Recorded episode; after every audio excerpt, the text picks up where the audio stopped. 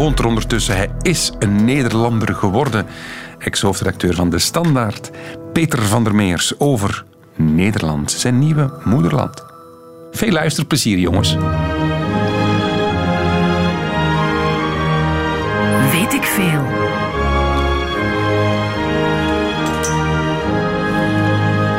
Kobe Ilse. Poëzie. Denkend aan Holland zie ik brede rivieren, traag door oneindig laagland gaan. Rijen ondenkbaar ijle populieren, als hoge pluimen aan den einder staan. En in de geweldige ruimte verzonken, de boerderijen verspreid door het land. Boomgroepen, dorpen, geknotte torens, kerken en olmen in een groots verband. De lucht hangt er laag en de zon wordt er langzaam in grijze, veelkleurige dampen gesmoord.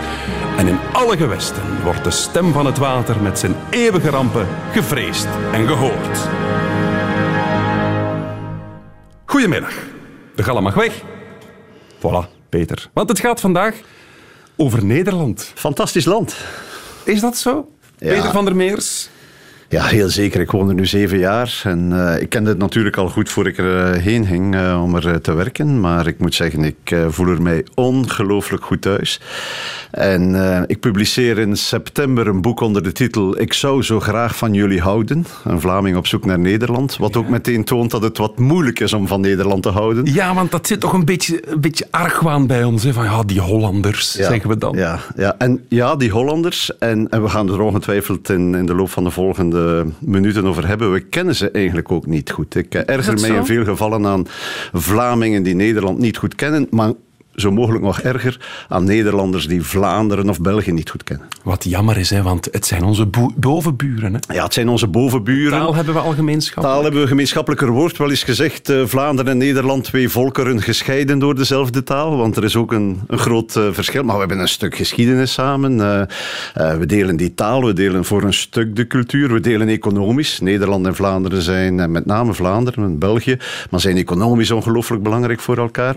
En toch, en toch zijn er ook heel veel verschillen en, en en andere manieren van denken, redeneren, leven. En dat gaan we vandaag even aan de hand van clichés. Hè, gaan we een uur eh, Nederland voor beginners maken. En het, het viel al even, de taal hebben we gemeenschappelijk. Alhoewel, er zijn grote verschillen. Goedemiddag, fijn dat u luistert naar Weet ik Veel. Radio 1.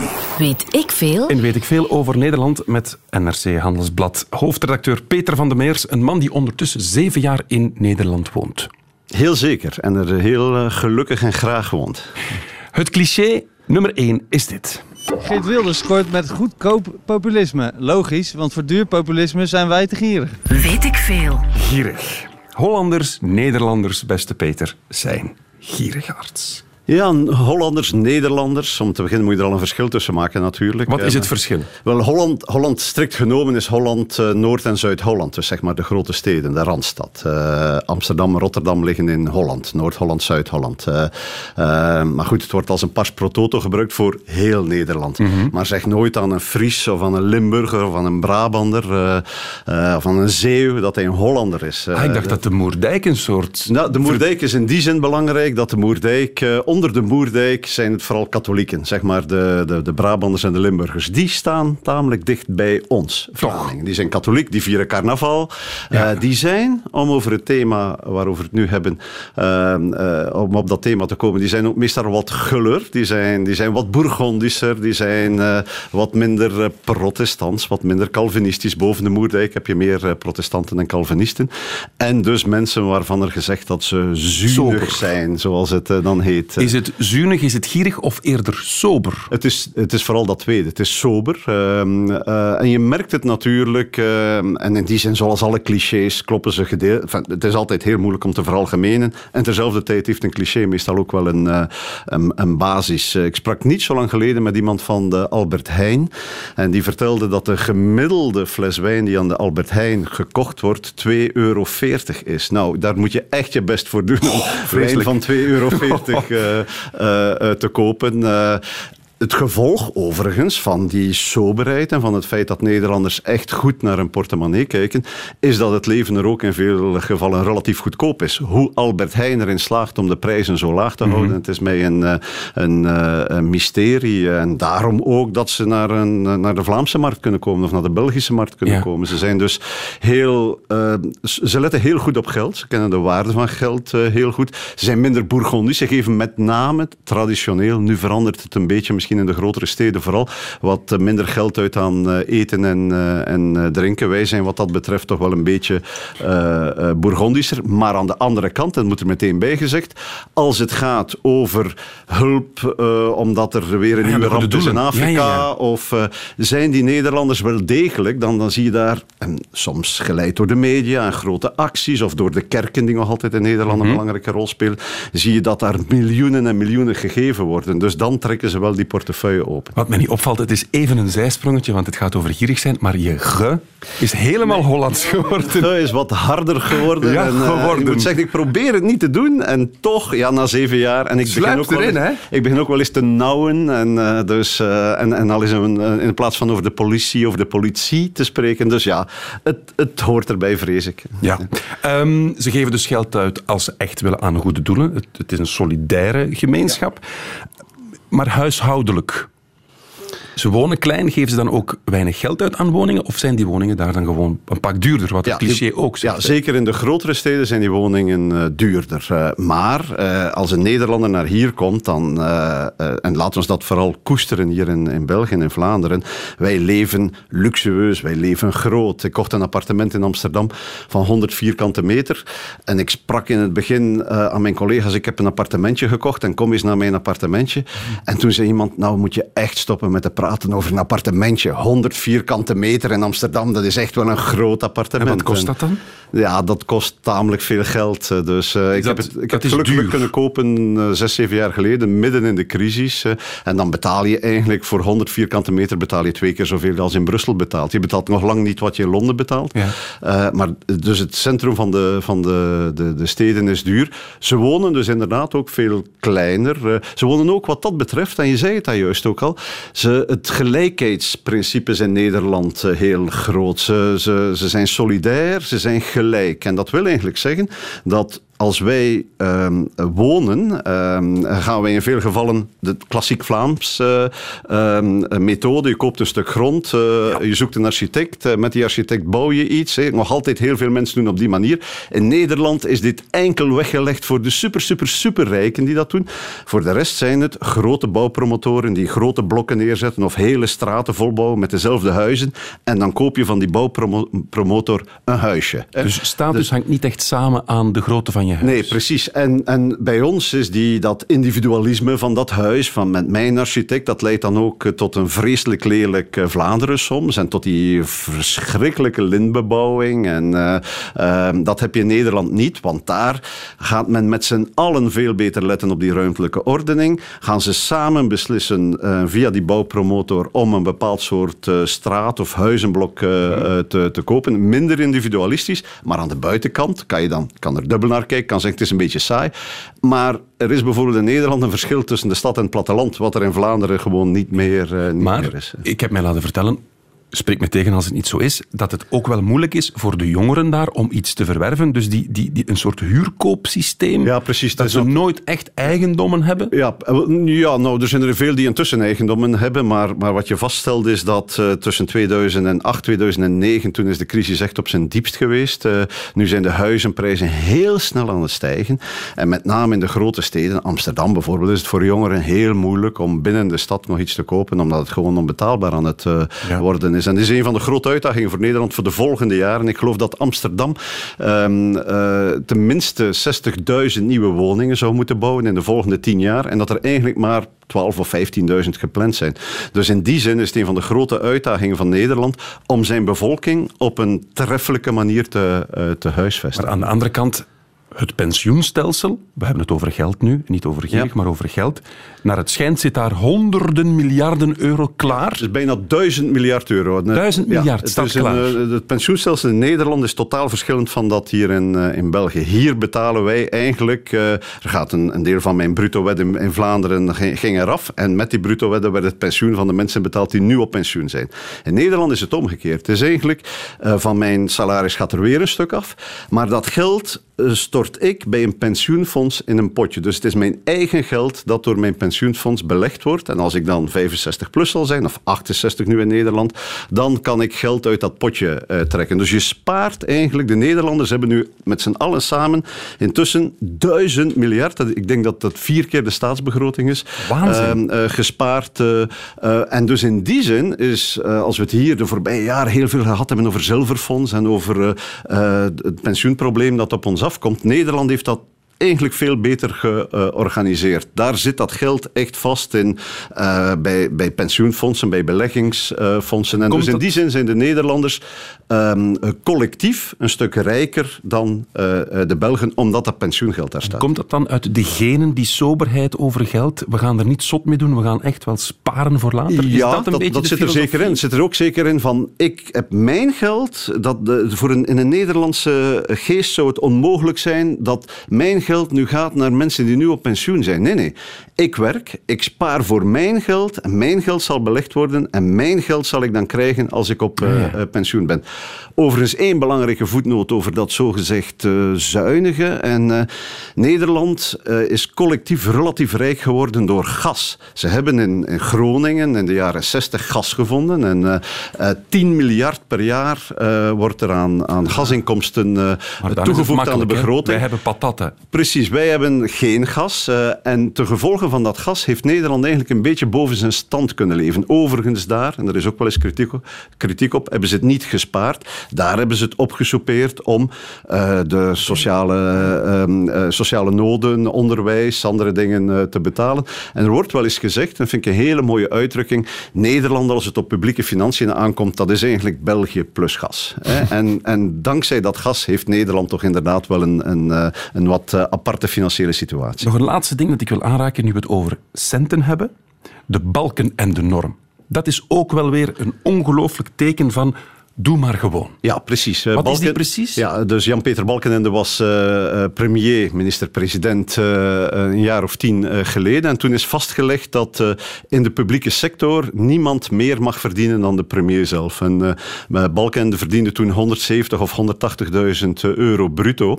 En dus in de publieke sector mag niemand meer verdienen dan die 170 of 180.000. En in die zin is het zelf een beetje overgewaaid. Iedereen die meer verdient dan de, dan de balken en de norm wordt een beetje raar aangekeken in Nederland. Nederland is een land dat erg van gelijkheid houdt. We moeten allemaal gelijk zijn. Er wordt wel eens gezegd, je kop boven het maaiveld steken, dat kan niet in Nederland. En zeker financieel niet. Dus die balken en de norm is echt een soort norm die ook die gelijkheid echt in euro's eh, uitdrukt. Het is een norm, het is een richtlijn, denk ik. Want een Matthijs van Nieuwkerk, een vriend van jou, of je zit geregeld in de Wereld Draait Door, die zit daar ver boven. Hè? Dat is overlaatst Ja. uitgelekt, 700.000, 800.000 euro Precies, die verdient geloof ik vijf ton of eh, zes ton eh, en die werkt voor de publieke eh, omroep. En dat wordt inderdaad altijd, wordt dat voorbeeld eh, getoond om te zeggen, kijk, er zijn mensen in de publieke sector, in zijn geval een presentator van een populair eh, televisieprogramma, die meer verdient. En er zijn dus inderdaad Dus een aantal het uitzonderingen. voor? Wel, het stelt toch wel voor dat bijvoorbeeld in de, eh, de Matthijs van Nieuwkerken kan dit blijkbaar nog doen, omdat hij die overeenkomst al had voor men gezegd heeft, dit geldt ook voor de, Ja, ja, eh, oké. voor de radio en televisie. Maar nieuwe presentatoren, die eh, mogen in principe niet meer verdienen dan die balken en de norm. Zit jij boven de balken en de norm? Daar doe ik geen uitspraken over. Now we have to play against Chelsea. In the Netherlands, they say that is another cook. I don't know if it is in English ook like that, but Weet ik veel. it's another biscuit. That's better. It's another biscuit. Sterk van Louis van Gaal. Want het gaat in het tweede blokje over taal.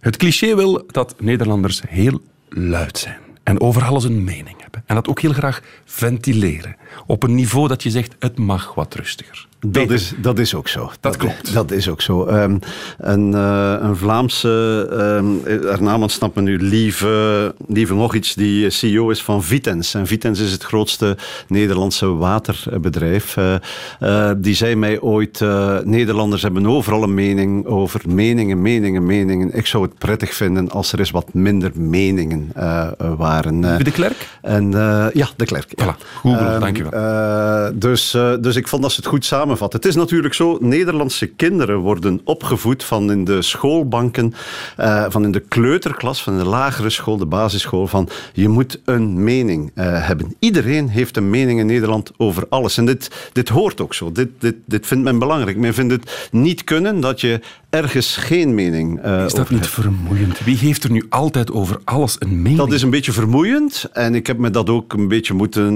moet, moeten aanleren. Dat eh, in elke discussie op de redactie, of het nu ging over, eh, over de positie die de krant moest hebben over de NAVO, tot of we onze redactielokalen van Amsterdam naar Rotterdam moesten verhuizen, of, of weet ik veel wat, dat iedereen zich daarover uitspreekt. En terzelfde tijd is het ook wel, het is weer wij de gemeenschap is belangrijk. Wij met z'n allen praten eh, over, over alles. Wij vinden het belangrijk om overal bij betrokken te worden. Dus die, die community eh, maakt, het, eh, eh, maakt het ook wel mooi. Maar het klopt, die meningenfabriek eh, die Nederland is... hè, en, en die, die tegenwoordig bijvoorbeeld geuit wordt in, eh, in eh, Twitter... eh, of in radio- en televisieprogramma's waar mensen mogen inbellen. Ik denk dat er nergens in de wereld zoveel programma's zijn...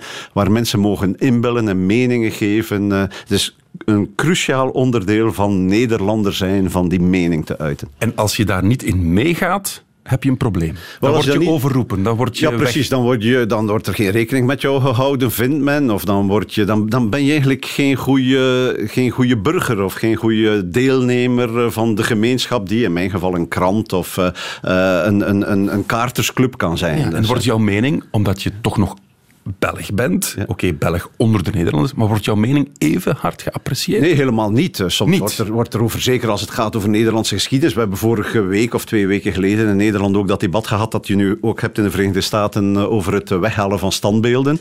Eh, daar, omwille van de burgeroorlog, eh, in Nederland ook wel eens van, hey, moeten wij dan wel een standbeeld van Michiel de Ruiter, grote zeeheld, maar ook iemand die heel veel, die slavenhandelaar was, die heel veel kwaad gedaan heeft. Of de VOC, de Verenigde Oost-Indische Compagnie, die Nederland in de 17e eeuw heel veel geld heeft eh, eh, opgebracht, maar die ook een vereniging van slavenhandelaren was. Ja, moeten we dan daar even niet over nadenken? Nou, als ik mij in dat debat durf eh, moeien, dan krijg ik heel rap, kijk jij maar eens naar Leopold II en, en eh, ga terug naar huis, kutbelg. hè. Dus Oh. dat is zeker ook een deel van het, van het debat. Ah, wat leuk. Ja, oké. Kut Belg. Wat, wat zijn zo nog van die beledigingen? Of dat is goed bedoeld, neem ik aan. Het is meestal goed bedoeld. eh. Wat zijn zo nog van die woorden die we moeten kennen? Stel, we gaan naar Nederland. We zijn mensen aan het opleiden nu. Hè? Als je naar Nederland gaat, hoe overleef je? Wat kan je zo nog zeggen? Nou, hoe overleef je? Door, eh, door je mond open te trekken, door eh, je inderdaad in dat debat eh, eh, te, te, te, te bemoeien. En die kutbelg die komt er in veel gevallen ook door dat ook Nederlanders eh, Vlaanderen en België niet goed kennen. Eh, ehm, ik erger mij in veel gevallen aan het feit dat Vlaanderen Nederland niet zo goed kennen. Eh, eh, maar dat ook Nederlanders, Nederlanders denken van zichzelf, en zijn dat tot op zekere hoogte natuurlijk, dat ze cosmopoliet zijn. Dat ze naar de buitenwereld kijken. En ze kijken naar de buitenwereld, maar die buitenwereld is voor heel veel Nederlanders toch wel het Verenigd Koninkrijk, Londen en de Verenigde Staten. En Vlaanderen, eh, Duitsland, Frankrijk, veel minder dan je eigenlijk zou, zou willen. Zelfs op een redactievergadering ehm, werd ooit eens gezegd van dat premier, premier Rutte met een of andere Belg eh, een staatsbezoek aan Atlanta of een eh, werkbezoek aan Atlanta bracht. Nou, die een of andere Belg was eh, Geert Bourgeois. Dan zeg ik, jongens, dit is de Vlaamse minister-president. En toen keek zo goed als iedereen, gelukkig de chef buitenland niet, maar zo goed als iedereen, wie? Eh, dus, dus dat heel veel mensen op zo'n redactie niet weten wie de Vlaamse minister-president Ja, ja, ja. is. Dat zegt ook, het is, het is natuurlijk maar een voorbeeld, maar het zegt wel wat. Zijn ze arrogant?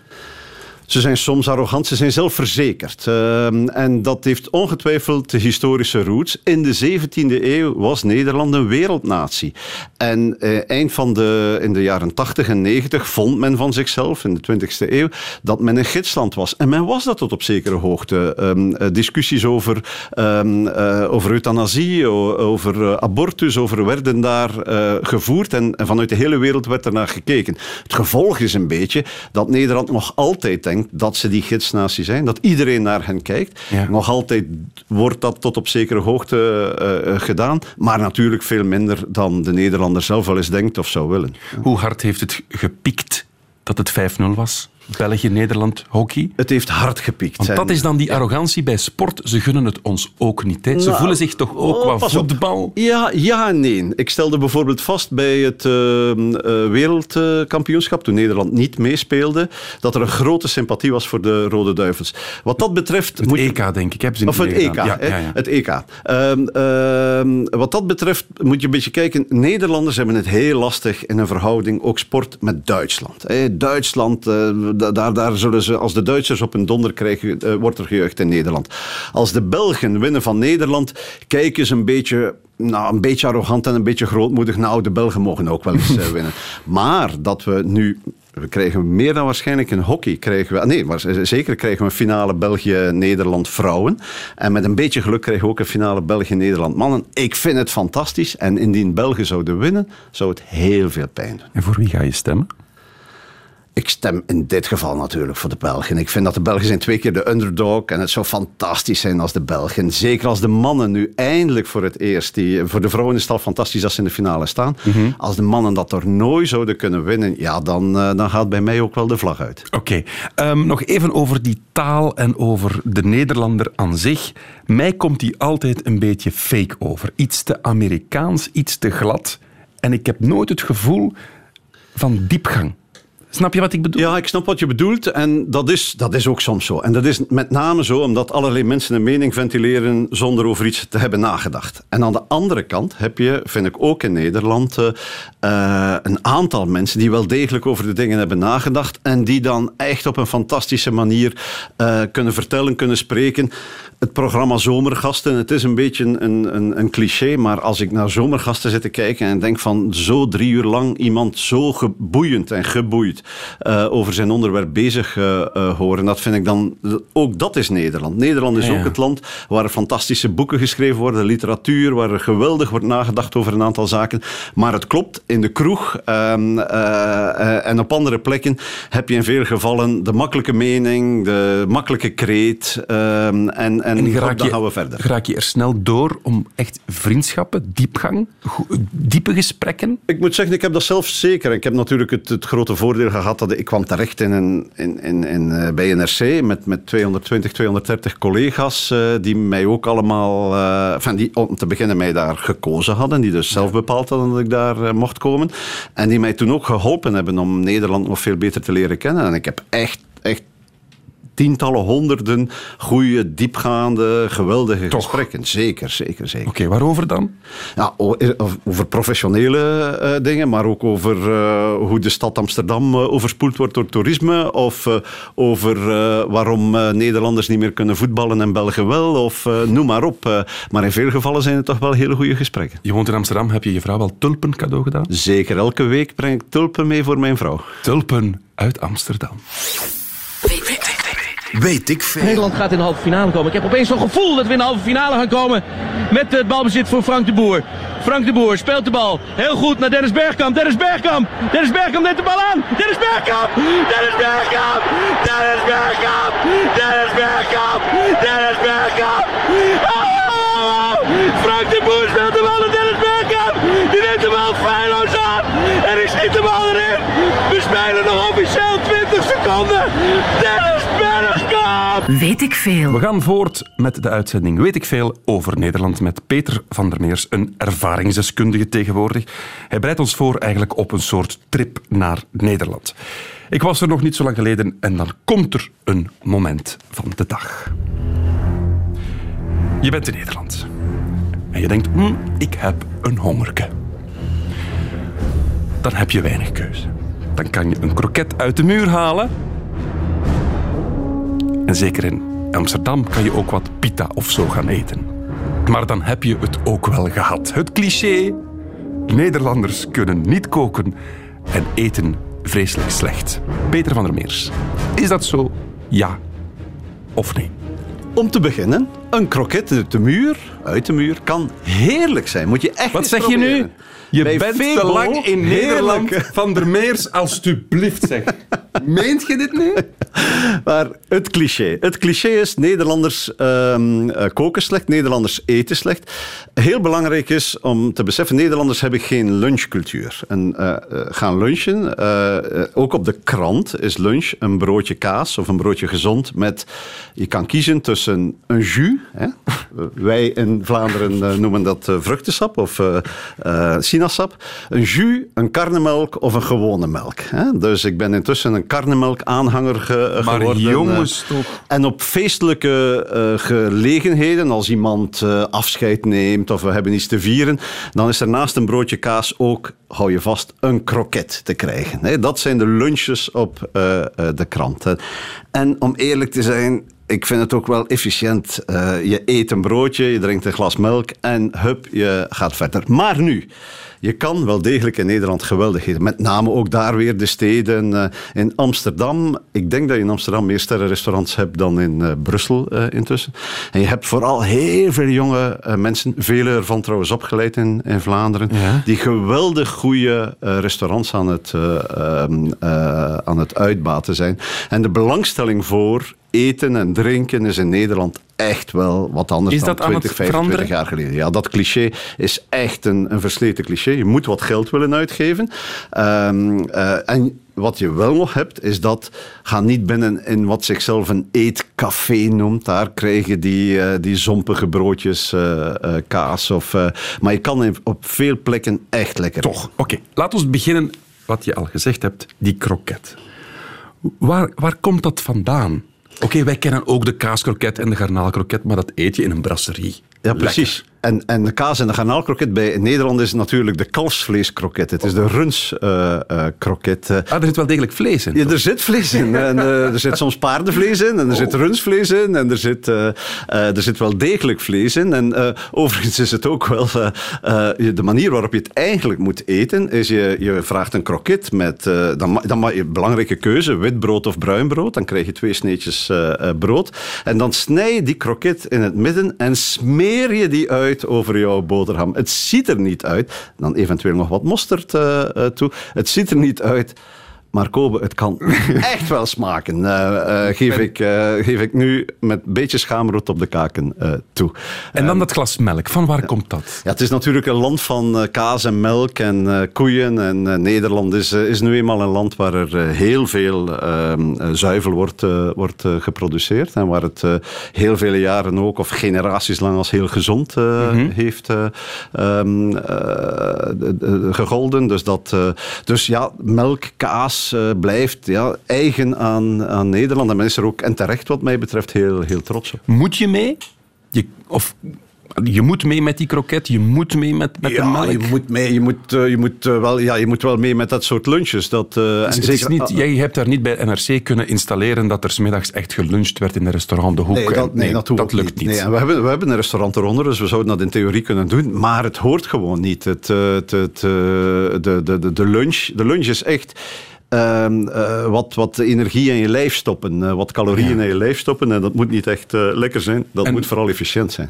En s'avonds, hoe wordt er dan gegeten? Is dat uitgebreid? Ja, s'avonds kan er in een aantal gevallen, enfin, en dan hangt er een beetje vanaf of het thuis is of op restaurant. Om te beginnen eet men wel heel vroeg. Hè. En dat, daar heb ik mij moeten wat aan aanpassen. Wat Om, om zes uur op restaurant gaan is, Ah, ja. is als je om negen uur in een, in een Nederlands restaurant, ook in Amsterdam, bij een aantal zaken binnenkomt, dan vindt men dat je toch wel heel laat binnenkomt. Dus veel mensen gaan uit eten vanaf zes uur, half zeven ehm, eh, s'avonds.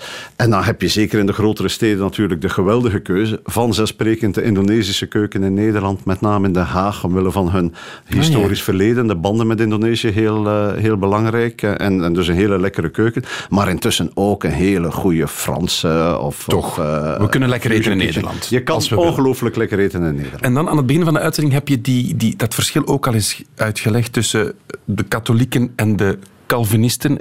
Moerdijk een dorp, maar wij zien dat een beetje De grote een- rivieren. Het is Voilà. eigenlijk de- ja, Moerdijk ligt op eh, de grote rivieren. Je hebt de grote rivieren eh, ehm, waaronder Brabant en eh, Limburg liggen. Dat is vooral katholiek. En je zei al in, aan het begin dat dat meer Vlamingen zijn, of Belgen, precies. Ja, Bourgondiërs. ze zijn meer Bourgondiërs, eh, eten ook wat beter. Nog eens, de carnaval vieren ze daar. Het zijn katholieken. eh, het zijn, eh, ehm, eh, boven de rivieren heb je Holland natuurlijk en de, de protestanten, de Calvinisten.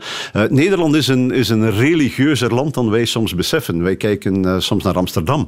Maar Nederland heeft een hele Bijbelbelt, die trouwens van in Zeeland in een soort halve maan door Nederland eh, gaat. Nederland heeft nog altijd religieuze, sterke eh, partijen. De ChristenUnie, die nu aan tafel zit om het kabinet Rutte eh, te helpen vormen. Eh, de SGP zijn streng gereformeerde, zwartkousen, protestanten, die het nog altijd heel lastig hebben met vrouwen op de lijsten. Je hebt in die Bijbelbelt heb je heel veel dorpen waar op zondag het gras absoluut niet mag afgereden worden, of er zelfs wat bozig gekeken wordt als je fietst op zondag. Dus Ola. Nederland, boven de, de, zeker boven de rivieren, is, is een land waar, waar de religie nog altijd heel belangrijk Zondagswinkelen om religieuze redenen niet gebeurt. eh, eh, en dat kennen wij eigenlijk wat minder hier. En dat zijpelt dus ook door in de keuken. De Dat soberheid. voor een stuk, en- die soberheid zijpelt, zijpelt zeker door in de, de keuken. Dus het, eh, het is ook weer een beetje een cliché, maar je kan zeggen het katholieke zit meer op zijn Bourgondische, op een, op een Bourgondische as. En dat protestantse is meer dat sobere en dat doe maar normaal, dan doe je al gek genoeg. Het is voor beginners vandaag. We zijn in Amsterdam. We willen het beste eten dat mogelijk is daar in die stad. Waar moeten we naartoe? Ik heb één naam en onthoud die naam. De naam, enfin, de naam bestaat uit twee eh, namen van de, de, de, de baas van de keuken en de baas van de zaal. Kaagman en Korte Kaas. Bij het, in het centrum van de stad, klein straatje, zijn twee jongens die fantastisch koken en die tot mijn grote boosheid hun ster bij de Michelin gemist hebben vorig jaar. Maar dat betekent dat ze ook nog relatief betaalbaar zijn. Kaagman en Korte Kaas. Je moet wel weken op voorhand boeken, want al de Amsterdammers kennen het. En wat moeten we nemen? De rundskroket of de kalfskroket? Je zegt aan Giel, Giel, die de chef van de keuken is, doe maar wat. Doe maar en wat. je zal verwend worden.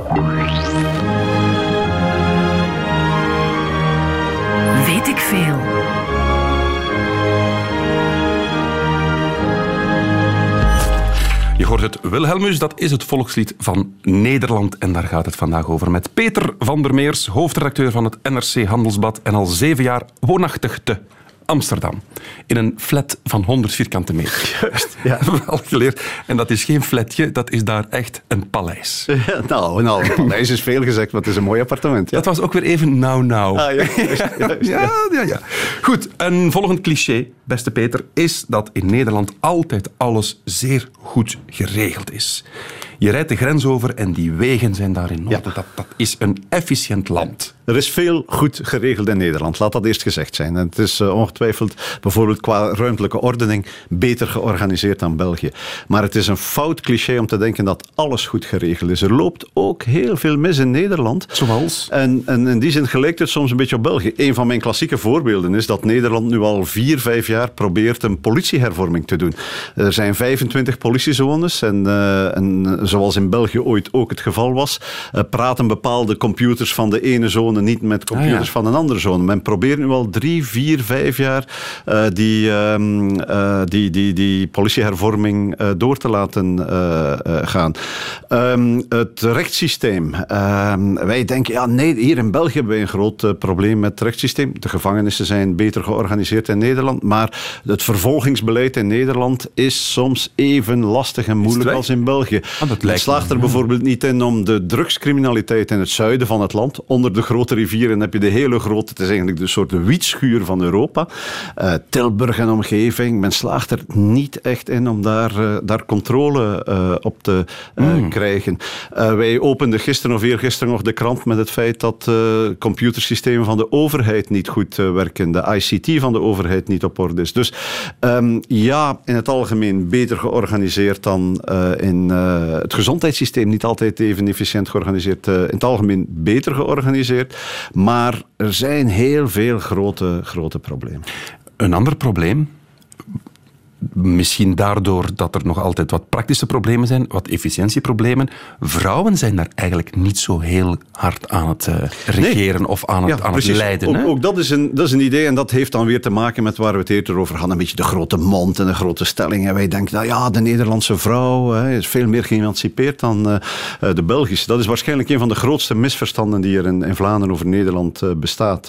Er is de Economist, de tijdschrift, heeft een glass ceiling index, een glazen plafond index. Ze publiceren die jaarlijks. eh, en die vat eigenlijk ehm, eh, de positie van de vrouw samen op de arbeidsmarkt, eh, ehm, eh, wat, wat salaris betreft, et cetera, et cetera. Nederland staat daar van de 7 of 28 landen in Europa die ze onderzoeken op de 24ste plaats. Op een niveau bij Turkije en Griekenland. België staat daar bijvoorbeeld op de 8ste plaats. En dat, heel veel, dat heeft heel veel te maken met het feit dat in Nederland nog altijd zo is dat de vrouw part-time werkt. Het hoort eigenlijk voor veel mensen dat de vrouw maar een baantje heeft van 20, 22, 24 uur. En de minister van eh, Emancipatie, het Bussemaker, heeft daar geprobeerd om daar echt aan te trekken. En met name omdat veel van die vrouwen, als, de, als ze dan scheiden of de kostwinner valt weg, eh, echt in problemen eh, terechtkomen. En dus de positie van de vrouw. Er zitten bijvoorbeeld minder vrouwen in verhouding in de Tweede Kamer als bij ons in het parlement. Minder hoogleraren. Merk je dat vrouwelijke ook bij, bij, bij de krant waar je werkt? Dat dat moeilijker is om, om, om vrouwen... Nee, ik moet zeggen, Nee. Bij, eh, bij een krant als de onze, we, ongetwijfeld mijn voorgangers hebben er hard aan gewerkt, maar zal het nu ongeveer 40, 60 zijn, Toch? 40 procent eh, vrouwen, oké. 60 procent mannen. Dus wat dat betreft eh, ben ik wel heel blij. Beste Peter, we walsen stilaan richting het einde van de uitzending. Daarom dacht ik, we doen een paar snelle vraagjes. Heten ze allemaal Joop in Nederland? Er zijn er veel die Joop heten. eh, Of Kees? Een heel populaire naam, ook een hele populaire naam. Maar gelukkig zijn er ook heel veel die Ahmed en Mohamed eh, heten. En. Peter en Ja. eh, Francine. Ze roken allemaal joints. Ze roken veel joints. En als je door Amsterdam loopt, is het natuurlijk... Het stinkt van de joints, eh, de, de coffeeshops. Maar is dat Amsterdam of is dat Nederland? Er zijn geloof ik meer dan 500 eh, coffeeshops in heel Nederland. Het is natuurlijk legaal om eh, wiet te roken. Het is niet legaal. De voordeur van, dat is weer de hypocrisie van Nederland, de voordeur is legaal, maar de achterdeur is niet legaal. Je mag geen wiet kweken, maar je mag het wel verkopen. Dat is een van die rare hypocriete Niet zo efficiënt. Niet zo efficiënt. Ze zijn allemaal heel groot. Ze zijn heel groot. Ze behoren letterlijk, eh, zowel de mannen als de vrouwen, tot de grootste van Europa. Ze hebben allemaal te veel tanden. Ze hebben veel en in veel gevallen mooie tanden. Ja, maar je hebt toch soms ook... Je ziet ze van ver komen dat het een Hollander is, hè, met precies, zijn, dat, met dat zijn is ook wel gebit. zo. En het is iets wat ze niet beseffen. Als je daarop wijst, dan zeggen ze, nou wat? Is het echt? Ja. Ja. Ze fietsen allemaal. Ze fietsen allemaal, gelukkig maar. En ze fietsen eh, goed. En, eh, maar Amsterdam wordt... eh, in Amsterdam zijn er intussen per inwoner zijn er 2,5 fiets. En veel daarvan staan buiten. Dus dat wil wel wat zeggen. Dus, Twee en een eh, halve fiets per Amsterdammer. Immens veel fietsen. en de stad verstopt nu zelfs door te veel aan fietsen. En nog een cliché. Het zit vol met hoeren. Er zijn natuurlijk, en zeker op de Wallen, zijn er veel eh, hoeren. En eh, dat, is een, eh, dat is een toeristische attractie.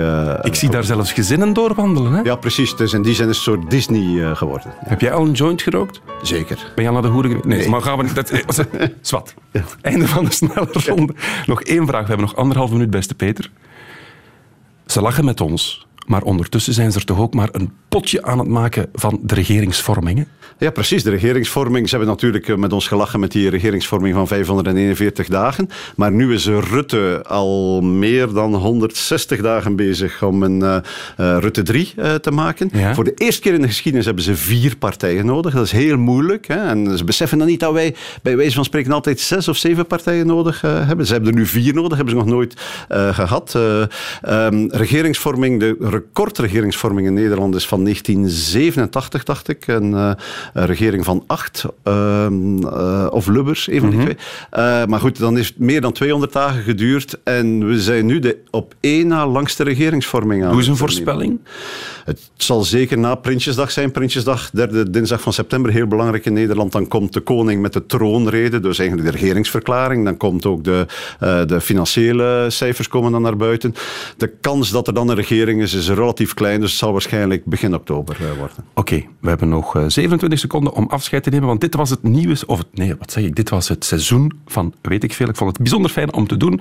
Nog één vraag.